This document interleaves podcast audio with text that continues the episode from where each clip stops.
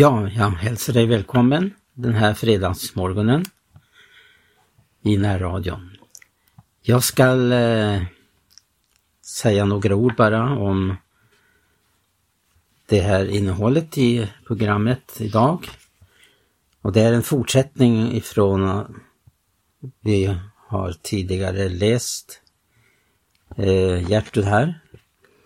I en bok, ett, ett litet häfte bara på 41 sidor som, är mycket, som jag upptäckt var väldigt värdefullt.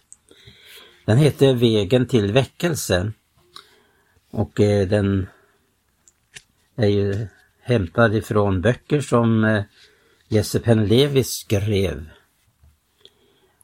Och den här, det här häftet då har vi då läst vid två tillfällen. Eh, eftersom eh, boken innehåller tre kapitel bara så har vi läst eh, kapitel som först hette en, ja, en biografi över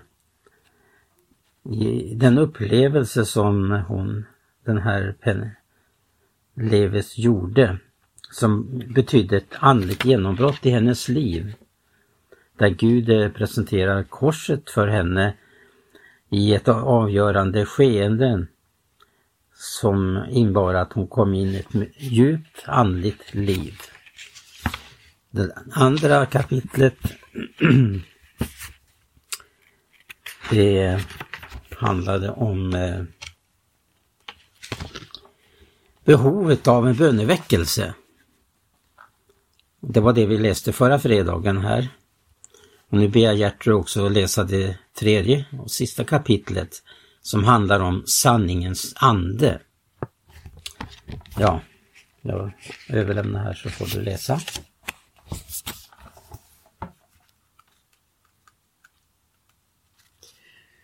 Ja, när han, sanningens ande, har kommit skall han leda eder in i hela sanningen, sa Herren till sina lärjungar.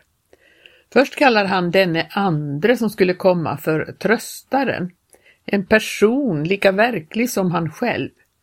En annan skulle fylla hans plats, en hugsvalare, vilket enligt Dr. Elder Cumming betyder mycket mer än vad ordet tröstare förmedlar. Det betyder en som kallas in för att försvara, stödja, rådge, hjälpa och trösta. Vi gläder oss över allt detta, för visst behöver vi en tröstare i denna värld full av bedrövelser och en som kan försvara, stödja, rådge och hjälpa oss. Men vi glömmer ibland att Herren själv definierar och avgränsar innebörden. Han sa, jag ska, han skall ge er en annan tröstare, sanningens ande. Och när tröstaren kommer, sanningens ande. Namnet tröstaren beskriver därför hans verk, medan hans namn, sanningens ande, beskriver hans personliga karaktär. Därför måste allt han gör som tröstaren i och för människor göras i enlighet med hans karaktär som sanningens ande. Om han tillkallas av någon troende att försvara, stödja, rådge, hjälpa, trösta, kan han bara göra allt detta som sanningens ande. Han kan försvara, stödja, rådge, hjälpa och trösta i överensstämmelse med sanningen och bara med den. Guds andes huvudsakliga karaktär som sanningens ande behöver betonas i denna tid då vi görs benägna att tänka på honom bara som kraftens eller kärlekens ande i hans verk i det troendes liv. Vilket är det största beviset på att en människa är fylld med anden? En del säger kraft, medan andra säger kärlek. Men om vi överväger frågan noga i ljuset av Guds ord ser vi att sanning kommer före kraft eller till och med före kärlek. För att kraften och kärleken verkligen ska vara Guds i den troende är det nödvändigt att ha sanningen som grundval. Både kärlek och kraft kan nämligen efterliknas av den onde som en ljusets ängel. Jukes påpekar att de kännetecken på gudomlig natur som skiljer den från alla efterapningar är först sanning och sedan kärlek. Detta är säkert sant om Guds ande för han är kraft och han är kärlek, men han är först och främst sanningens ande som utgår från Fadern genom Sonen in i människans värld. Herren definierade mycket tydligt i sina sista ord till lärjungarna innan korset det verk som sanningens ande skulle utföra när han skulle komma och bo bland människor. Detta kan sammanfattas kort som följer. 1. Sanningens ande låter lärjungarna förstå sanningen om A. Kristi förening med Fadern. Jag är i min fader. Och B. Den troendes förening med Kristus. Ni i mig. Och C.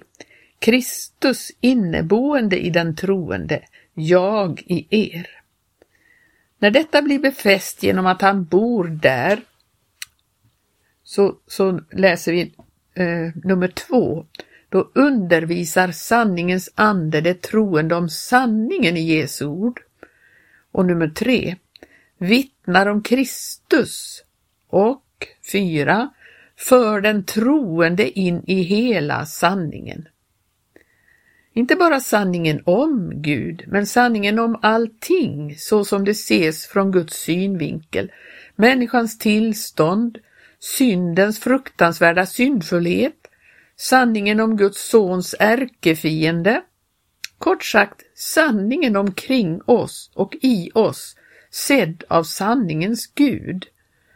Människan genomsyras i sitt förlorade tillstånd av otrons ande, det vill säga Satans ande. Han som en gång kände sanningen men som inte stod i den.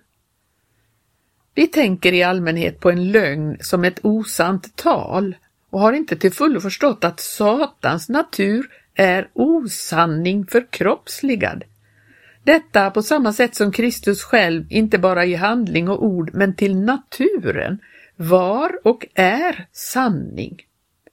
Herren gjorde detta klart i sina ord till fariseerna när han sa om Satan, det finns ingen sanning i honom. För när han talar en lögn talar han av sitt eget, det vill säga utifrån sin natur. Om hela världen är i den ondes våld, då inandas så att säga människans värld själva otrons luft om alla ting runt omkring dem och speciellt om dem själva. Vad är sanning, sa Pilatus och människor fortsätter att ropa vad är sanning? Medan de fortfarande är förblindade av den fallne Adams liv, fulla av giftet från Guds fiende. Han förmörkar sinnena på dem som inte tror på Guds sanning. Följaktligen är världen full av människor som tror på osanningar om Gud, sig själva och Satan, som till och med tror att osanning är sanning genom fiendens listiga förblindande. Därför kommer Guds ande som sanningens ande in i en värld insvept i osanningens smittoämne för att uppenbara sanningen och bära vittnesbörd om sanningen. Det kan beskrivas i vidaste mening som att se saker som Gud ser dem, för endast detta är sanning. Sanningen frigör. Att människor, till och med religiösa, kan vara okunniga om sanningen ser vi på ett av Herrens sammanträffande med fariseerna. Ni ska förstå sanningen och sanningen ska göra er fria, sa han som är sanningen. En hinna av osanning omsvepte fariseerna trots deras stora skriftkunnighet. Det blev uppenbart i deras snabba svar. Vi har aldrig varit trälar under någon. Var och en som gör synd är syndens träl, svarade Herren, som visste sanningen om synd och deras verkliga tillstånd. Dessa människor levde och handlade dag för dag i tron på en lögn. De trodde de var rättfärdiga och aldrig hade varit trälar under någon. Ändå var de hela tiden syndens trälar. De behövde förstå sanningen och inget annat än sanningen skulle kunna göra dem fria. Det livsviktiga för oss alla är att vi förstår sanningen som uppenbaras av sanningens helige Ande. Han ensam kan föra oss in i hela sanningen och det kan han bara göra då vi erkänner vårt behov av sanningen, timme för timme och dag för dag. Vi måste erkänna att Adams fallna liv är så förgiftat av lögnens ande att det inte har någon sanning i sig. Och att sanningen, det Gud menar med sanning, bara kan komma till oss kontinuerligt från och genom sanningens ande. Vi behöver bli förda in i hela sanningen varje ögonblick, annars går vi vilse in på sidovägar som ser rätta ut men ändå leder bort från Guds sanning.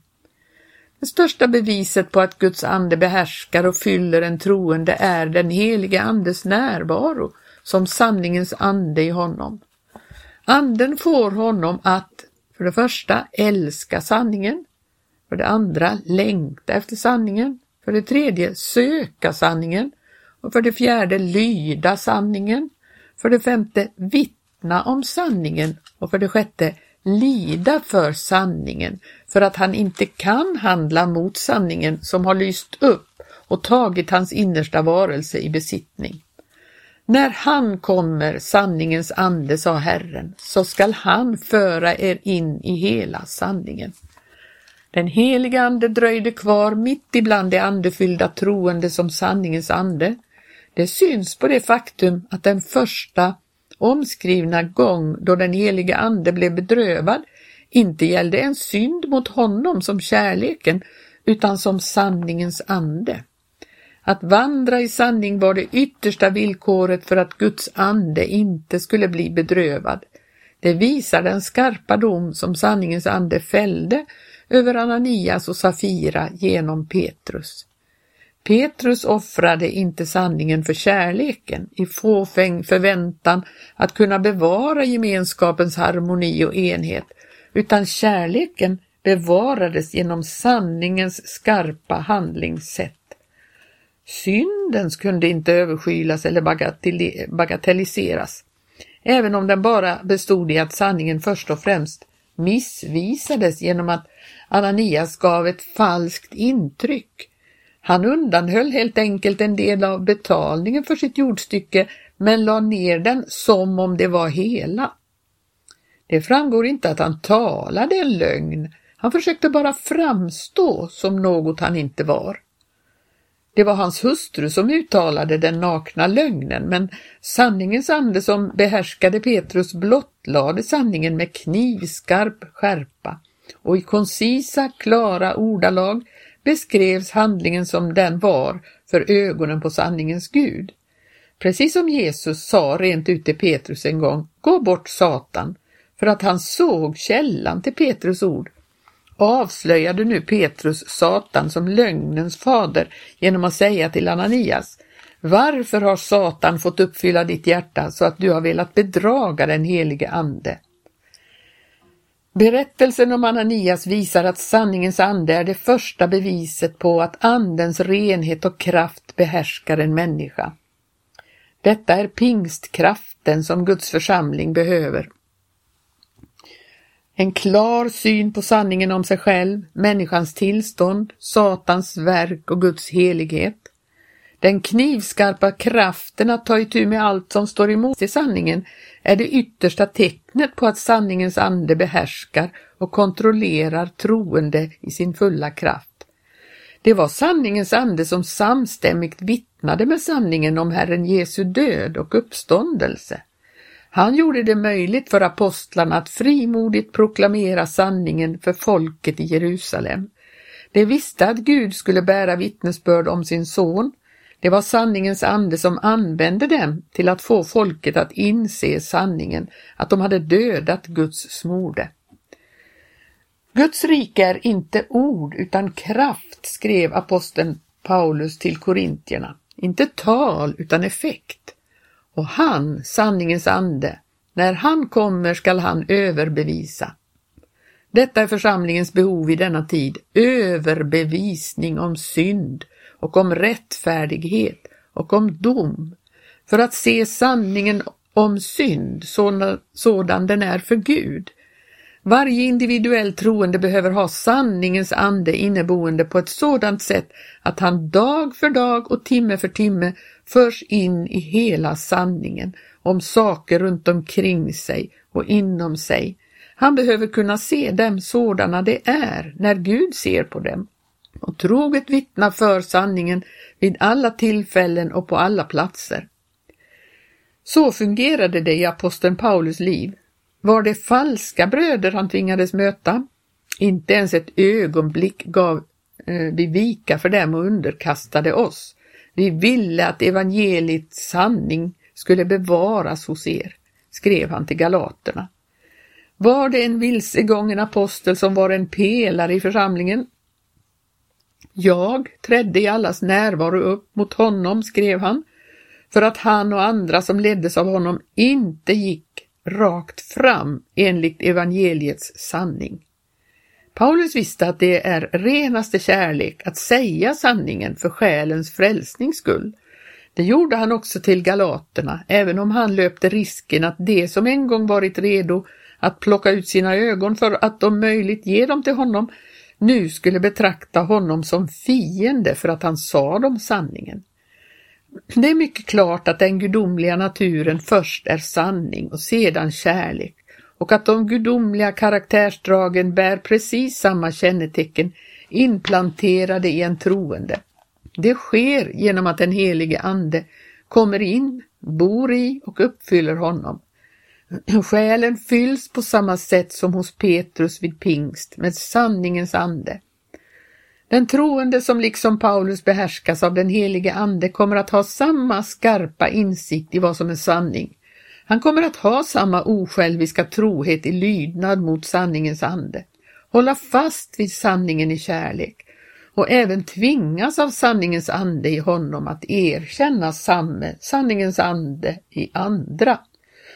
Ty icke mot sanningen utan allenast för sanningen förmår vi något, skrev aposteln. Sanningen dras till sanningen i andra och sammanlänkas precis som kaka söker maka. Synsätt på sanningen eller aspekter på det Gud har uppenbarat kan variera med åldern och mognaden hos troende, men sanningens ande i en troende kan inte annat än erkänna och förenas med samma sanningens ande i en annan. Sanningen känns igen av sanningen Sanningen är sanning överallt och bär med sig överbevisning om sanningen till alla som känner sanningens ande. Det är detta, det, det är det, detta faktum som aposteln Johannes beskriver i ord som verkar mycket starka men ändå rimliga i ljuset av att han hade sanningens ande inneboende och kände honom så väl. Vi är av Gud. Den som känner Gud lyssnar till oss, det vill säga vem som helst som känner Gud kommer att känna igen Gud i oss och känna igen sanningen. Den som inte är av Gud lyssnar inte till oss. Det är så vi känner igen sanningens ande och villfarelsens ande. Aposteln Johannes menar alltså att det finns ett sätt att pröva vad som är sanning och vad som är falskhet, som till och med är djupare än att pröva andarna i enlighet med testet i första Johannes 4 och 2. Vi känner igen sanningens ande i en annan, verkar Johannes säga, genom att sanningen förblir i oss. Han känner genast igen sanningen varhelst den ses.